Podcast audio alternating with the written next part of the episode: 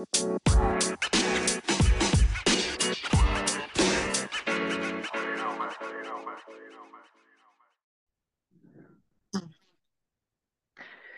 og velkommen til en ny episode av Jordbrukspodden. I dag har vi vært så heldige å fått med oss eh, Marie Veslestaul. Eh, du Marie, eh, kan ikke du si litt om hvem du er og hvor du holder til i verden? Ja, jeg er Marie Veslestaul. Jeg er geitebonde og holder til i Øyfjell i Vinje kommune.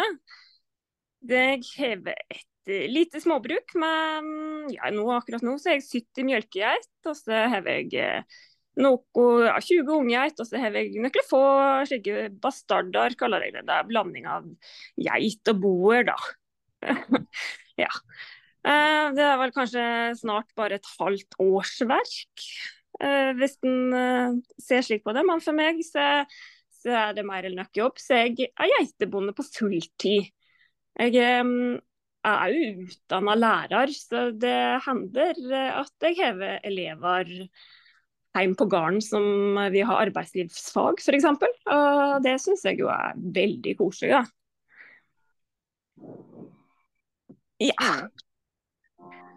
Men når du sier leverer dere melk på tradisjonelt vis, eller videreforedler dere, eller har dere melkekvote på geit, eller hvordan er det? Ja, det er sant. Vi driver med melkeproduksjon på Geita. Så jeg det ca. 50 000 liter som kvote, som jeg da leverer til Tine. Eh, det har jeg, har stort sett kjeing eh, i eh, januar, for det er jo da vi kan få levere melk her. Så har er nok svært godt ytende geit. Jeg har allerede fylt kvota, så da, er jeg heldigere disse geitene her, slik som nå, da. På sensommerbeite kan de være ute hele tida og, og, bare kose seg. Så ja, de, jeg tror de har et, godt liv, disse geitene. Og ja, eh, det jeg skulle jo ønske at det hadde vært større etterspørsel av kjøtt òg, f.eks. For, for det, Eh, jeg syns vi skulle ha utnytta mer av eh, hele dyret, da, når vi først produserer mat. Men, eh, men jeg spiser ikke kjøtt så det, det går bra, det. ja. Jeg ser jo at det er litt lettere kanskje å bli kvitt boerkjøtt, f.eks. For, for at de blir jo litt større på kortere tid. Og Derfor så, så har vi jo iallfall det litt ved sida, da. Mm. Men du nevner så vidt det her med inntransport på, på mjølk. da Dere kan levere. Kan du si litt mer hvordan det, hvordan det fungerer, og hvordan begrensninger ligger rundt det? skulle jeg si? Ja, med, når vi leverer mjølk, så er det iallfall eh, det, det store som henger ved meg hele tida, er jo selvsagt kvalitet eh, på mjølka. Den må jo ha lavt celletall og høy fettprosent og alle disse her parametrene da, som blir målt på til hver tid. Jeg syns det er definitivt lettest å holde best kvalitet på mjølk i, i vinterhalvåret når geitene på en måte får fôr da, som jeg har høsta. Det er lett å ha jevn kvalitet. Geitene hos meg går ut og inn av fjoset som de vil hele året, for så vidt. Selv om jeg bor i da fjellbygd i Øyfjell, og i vet så hadde han jo kanskje 2,30 med sno, så, så brøyter meg allikevel vei før de er ute hele veten. Og, og, jeg driver meg litt høgst, og da har jeg jo selvsagt geitene oppi høgsten for de til å ete bar og børk og, og slike ting. Men eh, å slippe dem ut på sommerbeite som jeg har nå, samtidig som det er litt fluging, da, da, da klarer ikke jeg å unngå at selvtallet stiger. Så, så, for min del så har jeg da altså valgt å ha kjeing i vinterhalvåret, eller da særlig tidlig på veten, slik at jeg, jeg, kan ha god kvalitet på mjølka når jeg, når jeg ja, leverer hovedtyngda av mjølk. Det gjør jeg. Mm. Um, Men er kvalitetsparametrene i forhold til celletall blitt for uh, sterke når det blir sånn at bønder da må tilpasse seg og ikke produsere hovedparten av geitemjølka på sommeren, som jo tradisjonelt var vanlig før? Er det blitt for strengt, eller er det nødvendig for å ha god nok kvalitet? Eh, jeg som geitebonde, da, jeg kan jo kanskje synes at de er, er strenge. Um, jeg, men jeg tror òg de hever på en måte mye de forsker mer på det nå da, enn det de kanskje har gjort tidligere. På, på kvalitet på mjølk, selvsagt. Den, om sommercelletallet påvirker osten på en måte på noe vis. da. Så jeg synes at det, det, er veldig bra hvis de, hvis de jobber mer med det. Um, det er klart vi er ikke veldig mange geitebønder igjen i Norge. Er, er med 260 mellom 250 og 260 geitebønder som leverer mjølk til Tine. Uh, og Det vil jo si at uh, de, vi, vi, må jo være en kostnad for dem på en måte. Jeg forstår jo det. Det blir jo lange distanser å, å hente mjølk. Og de har jo lovet at de skal hente, hente mjølk i hele landet. Så, så de Ja. Uh, de vil vel iallfall at det vi leverer skal ha så god kvalitet som vi behøver mulig. Og det, det skal vi jo på en måte etterstrebe å ha. Men jeg håper, eh, som du spør om, da, at eh, de ikke lager for strenge krav. Altså unødvendig strenge krav, da. For da blir vi nok bare enda færre geitebønder. Hmm. Nå hadde vi jo en sak i Trøndelag her med et par som drev med geit, der Tine ikke ville hente mjølka lenger. Nå vet jeg ikke hva konklusjonen ble på det, det ble jo en del mediestyr på det i hvert fall. Men, men er det mye geitemelkproduksjon i ditt område og fylke, sånn at det ikke er noe bekymring for det, eller er du litt bekymra for det for egen produksjon langt fram i tid? Så lenge Haukeli-ysteri får lov til å drive, og de på en måte har gode avtaler Haukeli-ysteri er jo en i nærheten her, og, og i tilknytning til det meieriet så er vi iallfall kanskje er 14, 14 geitebønder eh, i det produsentlaget Konst. Og så er det nok en del produsenter på, på vestsida som òg får levere mjølk til, til Haukeli. Så Derfor tenker jeg at uh, så lenge vi hever og får lov til å produsere ost på Haukeli, da er det stabilt å drive med geit. Jeg tror òg at vi, vi hever et fantastisk terreng for, for geit. Det er fjellandskap. Det er, det er liksom ikke så mye annet. Vi kunne jo selvsagt ha drevet med sau. Men uh, jeg syns jo at det er viktig at vi beholder noe av den norske tradisjonen med, med, geit og geitost. da. Virkelig. Jeg syns at det er vanvittig gode kulturlandskapspleiere. Jeg tror ikke det finnes andre dyr uh, som på en måte rydder finere enn geiter. da. Så, derfor så kommer jeg nok uansett at Tine bestemmer seg for langt fram i tid, eller ja, til å holde fram ei geit, bare fordi at det området jeg har, eh, er veldig veldig egnet til geit. Og jeg syns det blir veldig fint når de beiter i området her. Mm. Mm. Men det Haukeli-ysteriet, er det hovedsakelig eh, geitost eller ulike typer Hvilke type produkter er det de eh, produserer? Haukeli er nok mest kjent for skjever uh, i nøkle forskjellige varianter.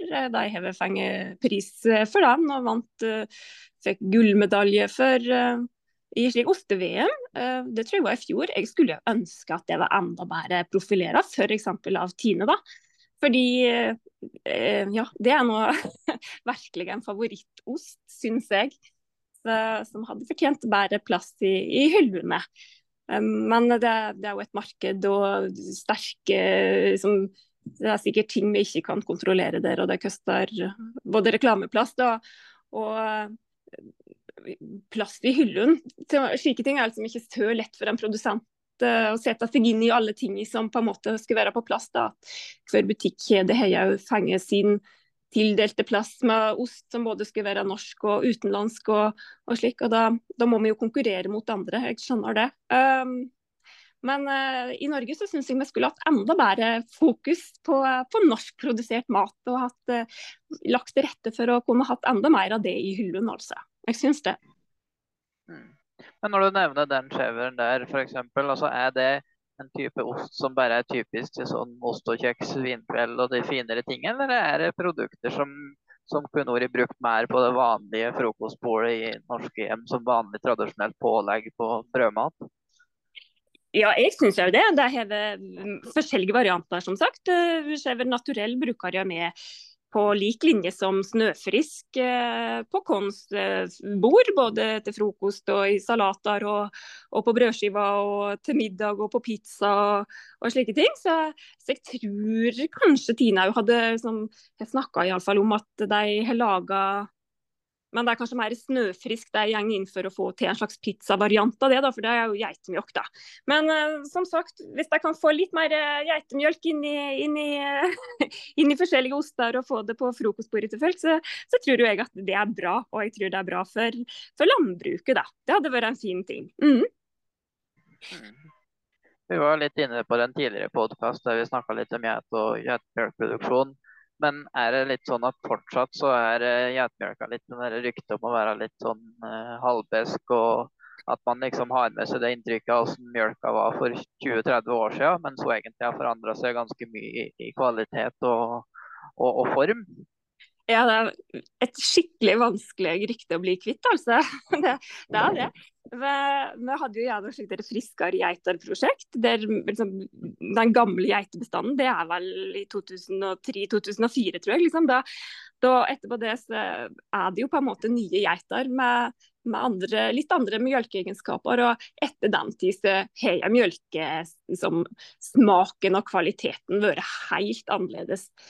Slik at eh, Det er jo ikke lov til å selge upasteurisert mjølk, men eh, vi her på gården drikker den jo eh, som kymjølk. Og, og for, det var vel for et par år siden at det ble jo egentlig forbudt med fyrdenti. seg. Det er jo slike smaksprøver der folk kunne liksom prøvesmake på geitemjølk og sammenligne det med kymjølk. Og det var flere som da valgte seg geitemjølk og trodde at det var det som var H-mjølkkartongen. Og det er jo fordi den er den er nesten søtere og rundere i smaken. Litt fyldigere kanskje enn en f.eks. kymjokk. Men jeg tror òg at en kanskje får kjøpt geitemjokk på kartong. Og jeg, jeg tror òg at den smaker annerledes enn det den gjorde for 20 år siden. Altså. Jeg har et bilde av, eller kan liksom minnes eh, den litt stramme smaken av geit. Eh, men igjen, det er jo 20-25-30 år siden. Så, og den tida er forbi, det er helt sikkert. Jeg tror jo at de som på en måte har kjøpt seg en, en hvit geitost på bui eh, og våga å smake på den, vil jo ha sagt at den er, den er veldig mild og snill. Den er fullt mulig å sammenligne med en vanlig Norvegia, altså. Syns jeg, da, nå i dag. Mm, det er lite smaksforskjell. Du er innom litt det her dilemmaet med kjøtt, uh, etisk dilemma og økonomisk uh, hvordan er det med de måldyrene dere rangerer ut? Tar dere dem sjøl og slakter, eller hvordan er det å levere de måldyrene? Går det an økonomisk til å levere dem til vanlig slakt? Eller? Nei, altså det er ikke slik at den hvis du sender det til slakt og bare har et vanlig slakteoppgjør på det, så er det vel snakk om seks kroner da, per kilo på et veldig godt mordyr. Og jeg har vært ned i tre øre på kiloen så nei, det lever vi ikke av. Men Eh, jeg tar jo kjøtt i retur og eter sjov. For jeg syns at eh, vi burde utnytte, utnytte, hele dyret når vi på en måte velger å ha dette her som produksjon. da.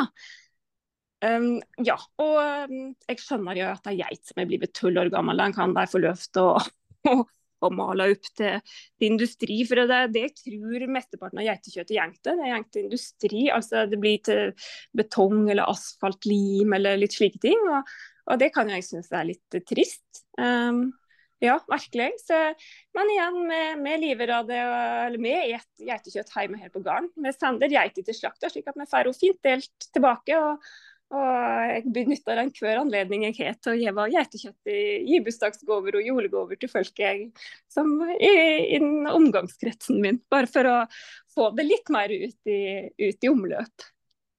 Hadde det vært en etterspørsel etter det, så tror jeg jo at det hadde vært mulig å fange litt inn i butikker. Hmm. I området ditt i din hjemkommune, kan du si litt om hvordan er, hvordan er jordbruksproduksjonen der? Hva er det folk uh, driver med? og Er det aktiv drift, eller er det mye nedlagte bruk? og Hvordan er liksom all jord i bruk, og er det full fart? eller... Uh, hvordan er liksom stemninga i jordbruk og utviklingstrekkene i, i, ditt område? Vi bor i Vinje kommune, ja. Det er liksom nærmeste nabo til Hardangervidda. Så gården min ligger jo på 790 meter i havet. Det er, um, og det er jo mange av gårdene som har det slik. Det er virkelig slik fjøll, fjølljordbruk, på en måte. På, slik som i sommer. Så, så, er vi jo kjempeheldige hvis vi får inn førsteslåtten før noen kommer. og det kan jo liksom ja, det er nesten ikke tull. Vi driver jo fremdeles med førsteslåtten, og det er, i år har det jo vært kjempevanskelig. og jeg, jeg, tror at det har vært vanskelig for veldig mange andre geiter, eller bønder i år. Det er, det er, Vinje er nok en aktiv landbrukskommune, jeg vil si det. altså. Folk eh, bygger, og det er, det er, noen som bygger seg opp eh, robotfjos til kyr f.eks. Så det er klart at vi blir jo færre bønder, men vi blir, de blir større. Eh, og det, og det er jo greit. Jeg syns det er viktig at, at, at jorda blir bruka, iallfall. At vi kan produsere det vi kan oppi her. Igjen, eh, i Vinje kommune da, der ligger liksom ikke støt til rette for, eh, for grønnsaksproduksjon, kanskje fordi ja, vi kan ha frøstnetter. Vi hadde vel et par frøstnetter allerede i juli. Og snoen kommer noe tidligere, eller vi ønsker innimellom. og og i år så møka jeg jo snoen vekk fra, fra jordet slik ja, 12., 13., 14. juni. Da, liksom, da, tok jeg vekk de siste isklumpene vekk fra, fra både gjerdet og fra, fra, um, fra jordet. Da. Liksom, så, så de, jeg vil jo si at vi har ikke gjort det enkelt for oss sjøl ved å være her. Bratt og ulendt er det òg. Og mye morenjord, så det er liksom ikke snakk om å vende på denne her jorda jevnligere eller en må, eller vi vil vel å snu den eh, nesten aldri. så, så bekjempelse av ugras det blir jo gjort mer med nesten luking, på en måte. Um, ja.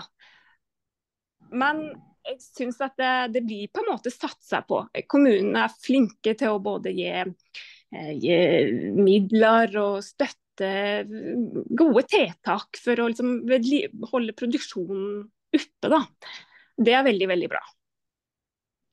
Um, det er noen som er til og med har begynt med grønnsakshager, hva det heter for noe. Det går med et lite utvalg av grønnsaker da, som de kan få lov til å, å selge den delen av året der det er mulig. Da. Og det, Hol bor jo på nesten 900 meter, så det, det, det er jo veldig fascinerende og veldig veldig bra at en både kan legge til rette for det og, og klarer å bruke jorda som er til slike ting. Da. Mm.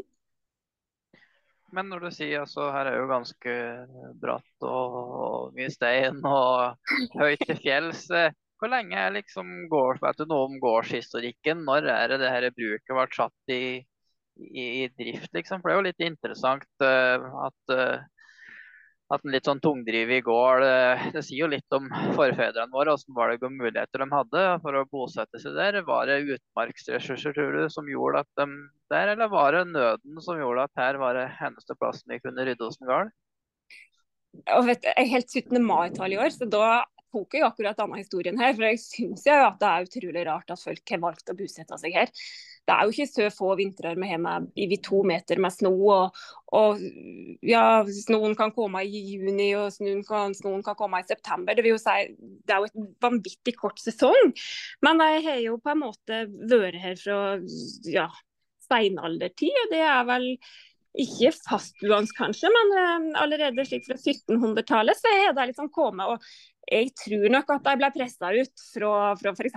Bu, som ligger mye lagligere til, da, mildere klima og, og bedre forutsetninger for, for uh, å drive jordbruk. Men uh, de har jo jammen klart å karre seg og klore seg fast. og De har vel funnet funnet ut at uh, å ha noen små hus og uh, noen få geiter og noen kyr og en hest, så har de jo klara seg veldig bra. Og det er jo både fordi utmarka har et veldig rikt dyreliv, og de som har hatt kunnskap, har òg skjønt hvordan de skal klare å både lagre mat og få inn fôr til både folk og, og fe um, gjennom, for hele sesongen. Så nei, men det er fascinerende. Her er, her, de har bodd lenge. Og de klarer seg. Og, de, og det er jo det sørvendte lier og myrer, og har vi klart å bruke det. Og Det er vel bare slik vi fortsetter, på en måte. da Vi har funnet de sørvendte plassene til jordet, og så er resten av området til utmark til dyr fremdeles. Og det er bra. Mm. Mm. Hvordan er dere, hvordan grovfòrlinje er dere har? Er det høy eller rumbeller? Hvordan fungerer det? Vi har jo forskjellige varianter av det. eller Vi har alt, nesten det. Vi har tårnsilo og romballer og høy. Og i år, siden det har vært mye regn, så er det klart at vi prøver nok å få mye av fôret i silo. Da, da får vi iallfall pressa ut mye av, av slik at vi ikke bare pakker inn alt vann i rundballer. Så de få dagene vi har hatt som har vært skikkelig godvær, da, da har vi, har vi baller. Eh, og så har det blitt mye, mye silokjøring og slik. Det har det. Og nå, er det fòrhester og Vossakasse, eller åssen Det er det. Fòrhester og Vossakasse. Det er jo bratte jorder og, og mye ja, det er, det er ikke egnet for så stor, tung redskap. Så det er liten traktor med tvillinghjul og, og, og vestakasse. Det, det, det, blir jo litt kjøring av det, da. Men, men uh, fôret blir bra for geitene. Og det er som sagt uh, jeg, uh, Geitene har produsert mye, mye god mjølk med, med følelsesvis lite bruk av, av kraftfôr, slik sett sammenlignet med resten på landsbasis. da. Så så jeg tenker at det vi klarer å høste her, det, det gir god mjølk iallfall. Det gjør det. Og slik som nå er det meldt, Egentlig var det meldt fint vær noen dager, og vi prøver på å komme på høy, men det kom, det kom jo med regn i, i natt òg, da. Så. Men vi får se. Vi hever høytørke òg, så vi prøver jeg å få inn litt tørrere òg. Ja. Det syns jeg er koselig å kunne gi, da. Både til geitunger og, og til geiter, selvsagt. Mm. Men har dere noe jord? Nå er dere nesten på fjellet, da, men har dere noe jord i høyfjellet der dere har sete? Er det noe dyrka mark der som dere høster, eller bare beiter dere det? Vi har ei seter som ligger enda høyere opp, eh, og ligger vel på kanskje litt over 800, den da. Så, men hever, den ble dyrka på 70-tallet. De dyrka de med bulldoser, forstår jeg, far min har sagt. Så det er klart, den eh, snur jo ikke den jorda si jamling, men eh, jeg vet ikke, er det 30, 35 mål kanskje med noe dyrka mark der som er slær, da. Og vi er jo glad hvis vi får sleie det en gang i løpet av året. Og så, og så sender vi geitene opp til beiting når vi er ferdig med slåtten. Så kan de beite rundt der. Mm. Jeg tror ikke det er så mye jord som ligger, eller dyrka mark som ligger høyere enn en garn kons liksom, i det området der, da iallfall. Mm.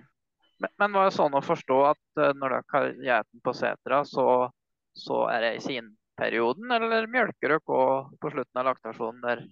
Nei, vi, jeg avleta nok ganske fort. Det er klart at når vi har fylt kvota, så, så koker jeg litt geitost på gamlemåten. Slik virkelig på gamlemåten jeg sitter med gjøngryte og fyrer med ved. Så det er klart at det, det blir jo liksom ikke så ikke så mange kiloene, da. Men eh, det er jo litt med ved å holde tradisjonen like og, og slik. Og osten blir jo veldig smakrik og fin på, på denne sommerbeitet nå på slutten av sesongen. da. Så ja, litt mer hvor mye tid jeg har og slike ting, det syns jeg at det er veldig koselig. Men jeg, jeg avletter jo så fort jeg kan, egentlig. Altså, jeg gjør det. Så det igjen, eh, slik som nå så er jeg ferdig med å koke geitost, og nå, nå kan liksom geitene straks ut på setra og ligge der og bare velte seg og bli runde og feite. Så det, det passer fint i paringsperioden, det. mm -hmm. Men, men, for oss som ikke er så gode på det med videreforedling av produkter, skulle jeg til å si, kan ikke bare ta oss litt gjennom når du har da mjølka geita og du koker ost. Hvordan er den prosessen? Hva gjør du i praksis da, og hvor lang tid tar det? Jeg, jeg kan nok ikke kokes til veldig mye mer enn 7 kilo, fordi det er ikke gryta mi stor nok det. Det er 150 liters gjønngryte, men jeg må på en måte ha kapasitet til at det koker så godt at det nesten kan koke i Så da kan jeg liksom ikke koke så veldig mye mer enn 70-80 liter. Uh, men når jeg er mjølka hos, så separerer jeg mjølka. For at jeg liker å ha at uh, den brunosten er helfeit. Det er det letteste å koke i gjønngryte med når den skal ha hard varme. Og så, og så sitter jeg, tar jeg jo Mystad, da. Og fløten og heve opp i gryta. Og da er det å fyre. Og da er det slik skikkelig hard fyring. Og Hvis jeg starter i åttetida om morgenen med fyring, så jeg, kan jeg være ferdig i, i ett-to-tida på dagen, kanskje. Hvis jeg har 70 liter, da trenger jeg iallfall fram til klokka to på dagen. Da har jeg koka ned så det er ca. 7 kilo ost. Eh, men da har jeg jo mjølka geitene først og, og, slike ting. da. Så Osteprosessen starter jo ja, med separering og slike ting i sju-tida. Så sju til to. Og så må jo primet røres kaldt, og det må jo skje fort. Eh, så vi har en skikkelig gammel baker eltemaskin. En stor sak da, som rører og må røre det bortimot en halvtime for å få det ordentlig kaldt. Da, da slipper en liksom den følelsen av at det er sand i osten. Og, så må følge med det etterpå. Så det vil jo si at det er en fulldagsjobb for å, for å få ut sju kilo, kilo ost. Mm. Men er det noe i forhold til kyr og kumjølk, er det noe liksom forskjell i prosessen, eller er det likt det og samme type separatorer som går ut ifra og, nedkoking og, og, alt, men er det noe som liksom skiller seg fra geitmjølk til kumjølk som man må være obs på i prosessen og gjøre på en annerledes måte, eller om det tar lengre tid, eller altså eller er det ganske kliss likt? Jeg tror nok det er ganske likt. Eh, for eh, jeg tror jo vannvassinnholdet da, det er jo det vi koker ut, eh, er ganske likt både på kymjokk og geitmjokk. Og, og, fettprosenten er vel tølig lik. Den er jo bare slik som jeg tror jeg har sett, der er ikke 4-4,5 fett i, i kymjokk. Og det, det, kan hende at geitmjokk er litt feitere, men da uansett det blir så liten forskjell i, i slik stor setting. Så jeg, jeg tror nok egentlig at det å koke kyost på staule og koke geitost på staule det blir nok samme prosessen i det. Det gjør det. Og så mm. lurer jeg jo på om men det kan jo ikke, ja, Kanskje det er flere, men eh, det, jeg tenker jo at uh, ofte så har en litt færre geiter. Det litt, blir jo litt mindre mjokk å forholde seg til kyr. Eh, da må man kanskje drive med geito, eller osteproduksjon med en litt annen litt andre forhold, og kanskje litt større forhold, det vet jeg jo ikke da. Men uh, kyr mjølker jo noe mye mer eller geit. Og ei kyr vil vel sikkert jeg mjølker ikke de fort vekk 30-35 liter, så da, da, er det ikke mange kyr du skal ha for å kunne produsere mye ost, iallfall. Det er sant. Men eh, det hadde vært skikkelig spennende. Jeg skulle ønske jeg hadde vært innom en slik kystøvel som produserte ost. Det hadde vært artig. Mm. For det er jo egentlig ja. Nei, Det skulle jeg jo ønske, eller det vurderer vi jo. Jeg driver jo såpass liten gard at det, den svir fint rundt. Og jeg på en måte jeg investerer nok kanskje ikke mer enn det jeg har råd til nesten til hver tid. Fordi eh, ja, jeg har bikka 40, og det er ikke sikkert at det kommer så mange etter meg. Så jeg tenker at det viktigste jeg kan gjøre, det er på en måte å ha en arbeidsplass som jeg trives med. Uten å være tungt forplikta til lån og slike ting. Jeg vil hvis det plutselig skulle skje noe, så må jeg jo vite at uh, hvis jeg legger det fra meg, så, så kan jeg Det er jo helt fint. Iallfall så syns jeg at det er en fin tanke for meg, da. Uh, men uh, jeg jeg kan nok vurdere om jeg skal bygge opp et litt, ja, litt mer brukende ystehus, da, slik at jeg kunne koke litt mer ost om sommeren. Det er en fin, fin aktivitet. Det ystehuset jeg sitter i nå, det er liksom Ja. Det var Besta, besta min hun koka ost på denne måten her. og hun, Det var på 80-tallet. Da, da koka hun ost litt senere på høsten. Så plutselig så begynte det å snoge. Og da setter jeg pappa, far min, da, opp, opp et ystehus bare rundt henne samtidig mens hun koka. Og det er jo dette ystehuset her jeg fremdeles driver og koker geitost i. Så det er liksom det, Det er jo et eh, hastverkshus satt opp i skikkelig full fart for å unngå at det snoger snoga opp i ystegruta. Litt like på sikt, kanskje neste sommer eller om et par somrer, så, så, er jo målet at jeg skal ha sett meg opp litt bedre ystehus som gjør at det er litt artigere å sitte og koke uh, ja, litt lenger utover høsten, da. Mm. Men er det litt sånn mål med drifta at uh garden skal gi deg inntekt eh, og et eh, godt liv, og ikke du som skal legge hele eh, sjela di bare ned i gården og på en måte utvikle den, men at det skal være en balanse her. At du har en arbeidshverdag som du trives med, og at du òg skal kunne, ja, hvis, du, hvis det skjer et eller annet, da, at du ikke skal ha mer gjeld eller være så forplikta at da har du liksom et kjempeproblem. Ja, det er det aller viktigste for meg. Det er virkelig. Men jeg, jeg syns jo vi driver her på en slik måte at det er, er lett. En, være, det er en fin hverdag. Vi prøver å ikke ha altfor mye jobb, fordi det er jo egentlig mer enn nok. Det er gjæring og det er kjeing ikke vinterhalvåret, og det er mjølking og det er sommeren gjeng. Men samtidig så at nesten hver dag iallfall er, er tid til å ta en pustepause og gjøre ting som er noe helt annet enn gardsdrift i. Eh, det er noe av det viktigste for meg. Hvis hverdagen eter meg opp, så kommer jeg nok ikke til å ja, Da må vi iallfall endre kurs veldig. Fordi eh, det å ha andre interesser ved sida av, eh, av, å bo på arbeidsplassen, det må det være plass til. altså. Virkelig kjempeviktig. Eh, og igjen, siden vi ikke vet om det er noen som på en måte arver dette etter meg igjen, da, så tenker jeg at vi skal ha en fin plass. Det skal være fint for andre som eventuelt, hvis det skulle skje meg noe, at andre rett skal kunne ta i uten å måtte slite seg ut. Men da, da, kan de ta sine egne valg i hva de har lyst til å gjøre. Da. Og det tenker jeg det er, det er en god tanke for meg. Mm, virkelig. Mm. Er litt innom det med andre interesser, og vi må jo nesten spørre, da. Er du Norges sprekeste bonde? Ja, jeg tror jeg, ja.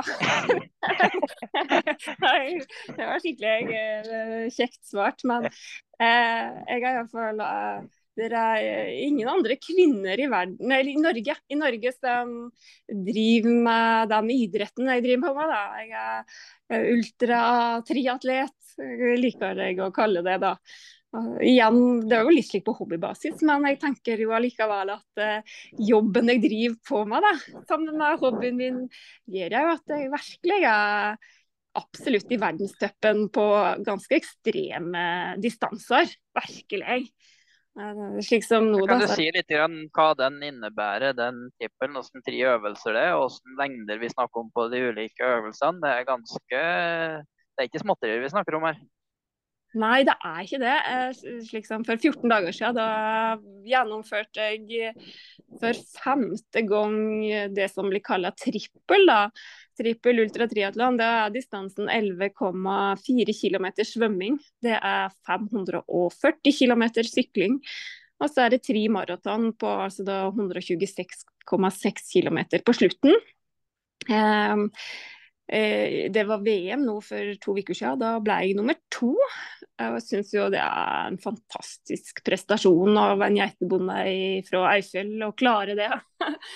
Virkelig. Jeg har blitt verdensmester òg, tilbake til 2018. Og har vunnet flere verdenscuper, liksom. Men eh, og det å, å virkelig få topplassering i VM, det er jo alltid helt Det er stort. Da har folk eh, stort sett hele de som deltok i dette, da, har jo virkelig prikka inn formen og gjort det de kan for å være godt forberedt. Og, og så har jeg kunnet gjort det jeg kan når jeg bor i, bor i Øvre Telemark. da. Altså, det sier seg jo nesten litt sjav når en har valgt å bo i ei fjellbygd der snøen smelter i i juni at eh, det å få svømme de store distansene, det er jo ikke, det er jo ikke så lett, akkurat. men uh, uh, ja, og det tenker jeg, men den der bevegelsen jeg på en måte tar meg tid til å gjøre hver dag, der, da, den, den, er veldig viktig for meg. Det å få lov til å ha det avbrekket som, som gir meg helt fri fra dyr i ei beite, det, det gjør jo at jeg er, er lada opp til å, å, kunne gjøre en enda bedre jobb som bonde når jeg kommer tilbake. Mm. Hva er det som driver det? Er det konkurranseinstinkt? Er det det å være fysisk aktiv? Er det å være ute i naturen? Hva er det liksom som, som driver det til det her, ja, må jo kunne kalle det ganske ekstreme idrettslige aktivitetene? Det er nok først og fremst gleden i bevegelse. Fordi at jeg melder meg på, det er på en måte en slags belønning eller premiering eller hva skal en si. Det er jo veien fram dit jeg koser meg med. da. Jeg, eh, det beste, beste, jeg gjør, er jo kanskje noe på høsten, akkurat som geitene. Å springe timevis i fjellet. Det er jo Da er jeg skikkelig lykkelig. Slik ordentlig. Jeg bare når jeg springer slik ut, så jeg bare håper jeg så inderlig at andre òg hever noe som gjør deg så lykkelige. Da. For det, det har jeg så mye å si for den mentale helsa. En føler at ting går litt mer imot hvis en hever fanget noen slike timer med, med bare god, positive vibber i hele kroppen. Det, det heves til mye å si, altså. Virkelig. For eh, ja, jeg syns ikke det å være bonde, det er virkelig ikke en slik dere Det syns jeg ikke er noe slik bonderomantikk. Uh, nei, i det hele tatt ikke. Dere er jo dyr. Vi jobber jo med livende vesen. og det er jo av og til så man ta kjipe valg i fjos, ikke sant. Om dyr som er syke, må jeg må på en måte skåne deg, og av og til må han avlive deg. og det, det er altså, Jeg syns jo det er omsutt. altså det er um, Ja, jeg, jeg, jeg syns det jeg syns uh, at dyrevelferden den står virkelig i fokus uh, hos meg. altså Jeg vil at dyret jeg har valgt å ha i huset, de skal ha det bra. Da, men det er klart at uh, det er jo lettere hvis jeg har det bra, da. Ja, og da, min måte å ha det bra på er nok å tilbringe få leie av meg. Jeg liker å sykle, og jeg liker å gå på ski. Uh, Heve heia rett bak utafor Dynni, så jeg trenger liksom ikke reise noen plass. Da. Det er veldig enkelt. jeg kan spenne på meg skiene utafor Dynni og, og, føler at jeg har vidda rett utafor uh, ja, støga mi. Så det, jeg syns jeg er heldig slik. Mm. Men veldig til mange av dem du konkurrerer med, vil jeg tro, så er det jo veldig mye fokus på ja, riktig type trening innenfor laktatnivåer og pulssoner. Og veldig systematisert. Og, ofte har de vel en litt annen hverdag enn det du har. og Ofte er det jo vanlig kontorjobb og, og, og, den biten. Bruker du sunt bondevett i treninga di, eller er du systematisk som andre? eller hvordan liksom legger du opp det treninga di i forhold til bondehverdagen på en måte? Jeg eh, er nok bare hever sunt bondevett når det kommer til trening. Eh, er, jeg merker jo det når jeg snakker med de andre. Det er veldig, det er veldig lite laktatmåling. og Jeg har ikke wattmåler på sykkelen, og jeg bruker ikke aerohjelm. og liksom, Sykkelen jeg bruker er sikkert 20 eh, år gammel. og det er sånn Så jeg bare tenker at jeg, jeg er gjennomtrent, og så må de andre bruke alt det de vil ionisert vann og saunateppe og jeg vet ikke alt som de bruker. Men jeg tenker derfor har vi jo så forskjellig, har veldig forskjellig innfallsvinkel til det. da. Så, mens de kanskje, som du òg sier, må på en måte ha en kontor, kommer fra en kontorjobb og stillesitting, så, eh, så må jo de kanskje trene enda mer systematisk for å få få den grunnformen jeg får bare ved å, å, ha en helt vanlig hverdag. Eh, som jeg sa i starten, så har jeg jo på en måte et jeg har et, et, geitebruk, og det er preger kanskje av at det er fra 60-tallet. Vi har noe, men, men, igjen, det er for opp under taket, så jeg må lempe siloen hele veten f.eks. Og jeg må fremdeles trille inn rundballer i trillebør. og og jeg lemper kraftfôr fordi at det står jo i siloer ute, eller liksom i låa. da. Så det er mye bæring og lufting og lemping og raking av strekkmetall. og altså, tenker jeg den, Det er mye gratis bevegelse jeg får hver dag, hele tid, eh, som de må ta igjen da, på en annen måte. Altså kan jeg kose meg med trening også trener jo jeg kanskje litt mer med tanke på puls og litt hardere økter når jeg vet at jeg liksom, nærmer seg konkurranse. Men uh, jeg er heldig og har mye motbakker i nærheten her. Og jeg, jeg liker å springe motbakker, så jeg, får, jeg uh, tror jeg får naturlige intervaller mye i, i stor grad. Altså, Altså, jeg kan godt både sykle til nærmeste mm, sentrum for å handle varer og fylle sekken og sykle hjem igjen og kan sykle omveier og litt slike ting. Så, så jeg, jeg får jo inn distansene òg. men det jeg tror at som bonde, da, så, så får du veldig mye den der mentaliteten om at du kan jo på en måte føle deg litt sjuk en dag, men det, du må jo fremdeles ut. Det er jo ingen som tar jobben fra deg. Men hos meg, da iallfall. For her er det jeg som er bonde. Og mannen min her jobber jo en annen plass. Så nå har vi drevet siden 2018. Og jeg har jo ikke jeg har jo aldri vært så syk at jeg ikke kan være i fjoset.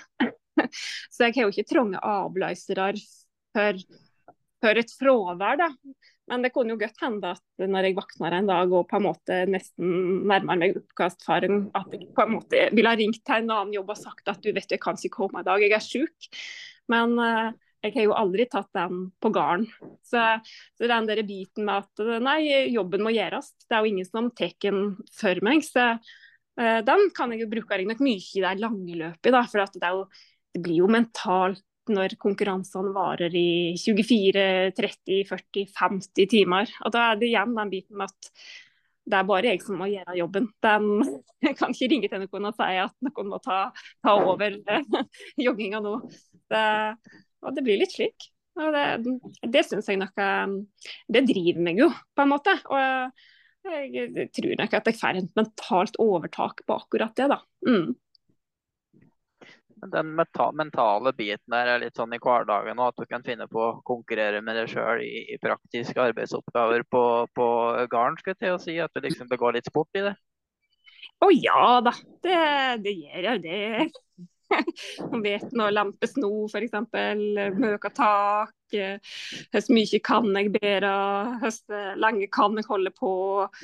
Høst, ja, jeg tumler jo litt i skogen, og høst mange som klarer jeg ett tre til, ørker jeg opp den bakken en gang til med den vinsjen i den snoen.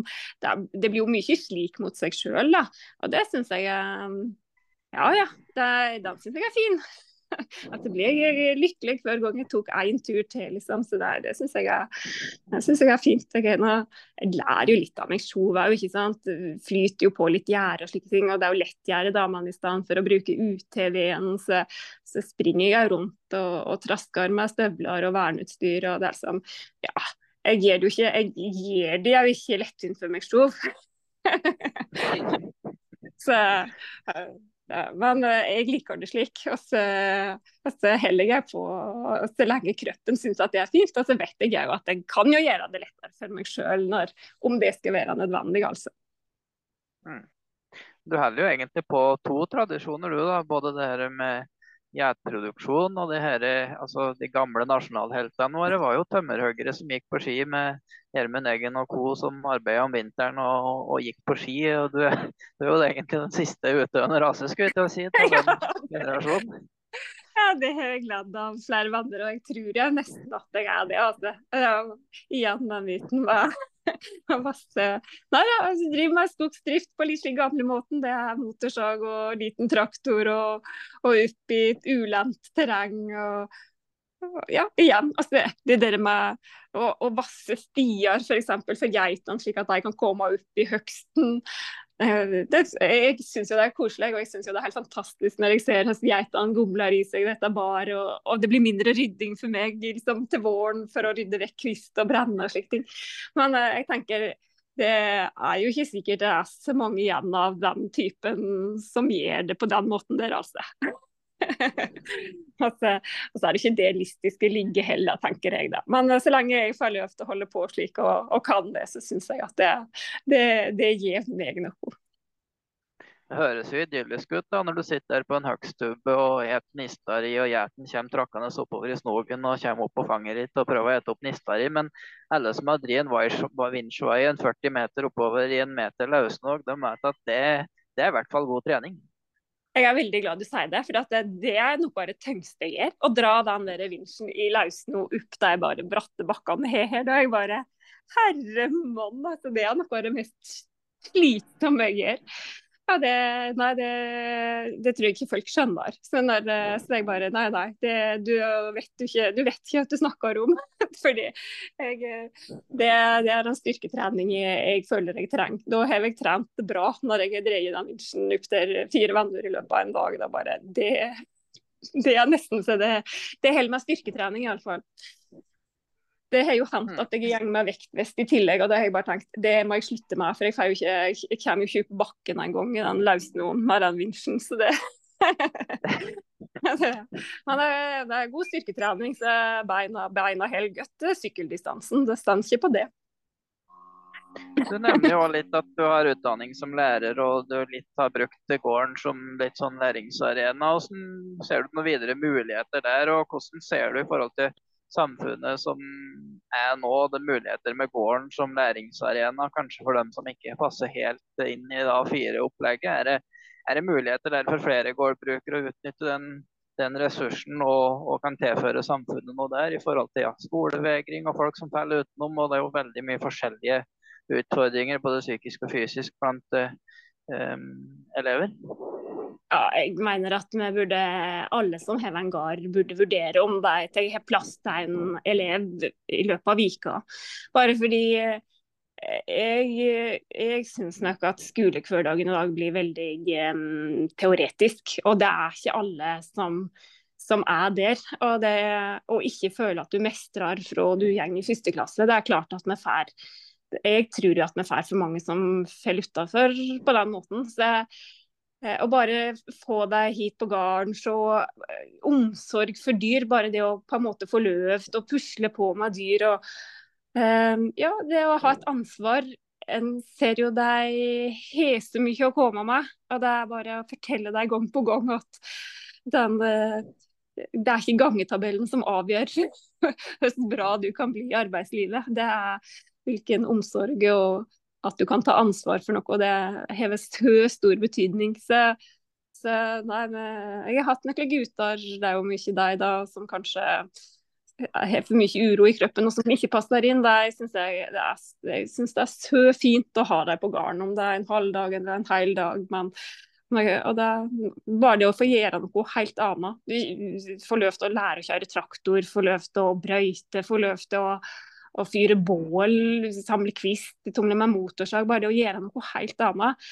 Jeg, bare, jeg synes Det er noe av det mm, mest berikende jeg gjør. da. Det syns jeg er skikkelig fint. Å se at andre får en bedre hverdag ved å få lov til å gjøre noe annet.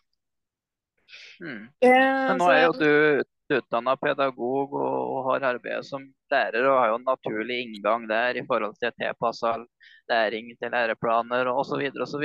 Men men er det muligheter for, tilbake til deres sunne bondevettet for, for, bønder som ikke har den formelle kompetansen der, det også kunne være en ressurs, tror du? Eller er det litt sånn rigid i forhold til det her med eh, opplæringsplaner og at alt skal eh, Ja, eh, jeg ikke hvordan jeg tenker.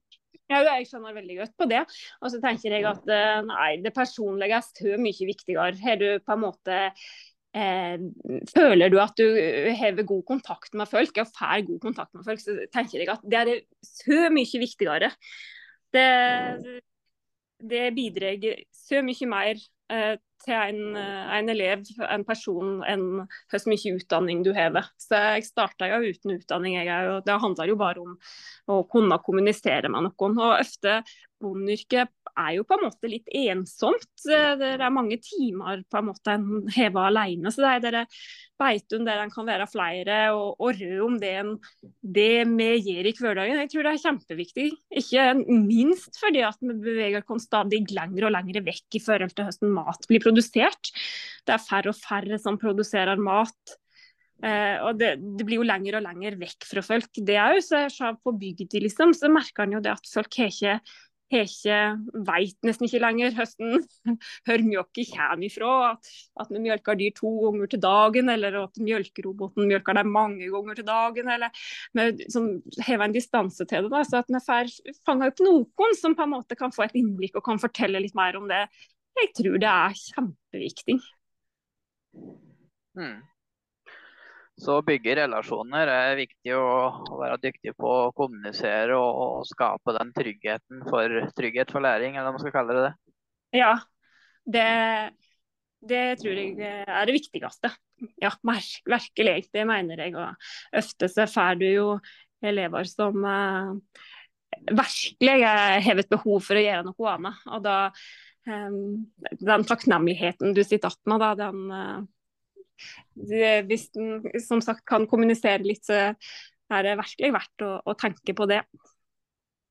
De aller fleste som driver gard, har jo, på en måte noe puslearbeid de kan holde på med som, som gjør at en kan være to, på en måte. Om det er å sitte i traktor, eller om å, å tumle på på jordet, eller høste, eller være i skogen eller gjerde. Det, det spiller nesten ikke noen rolle, tror jeg. Bare de får lov til å gjøre noe annet og føle at de hever en verdi. da.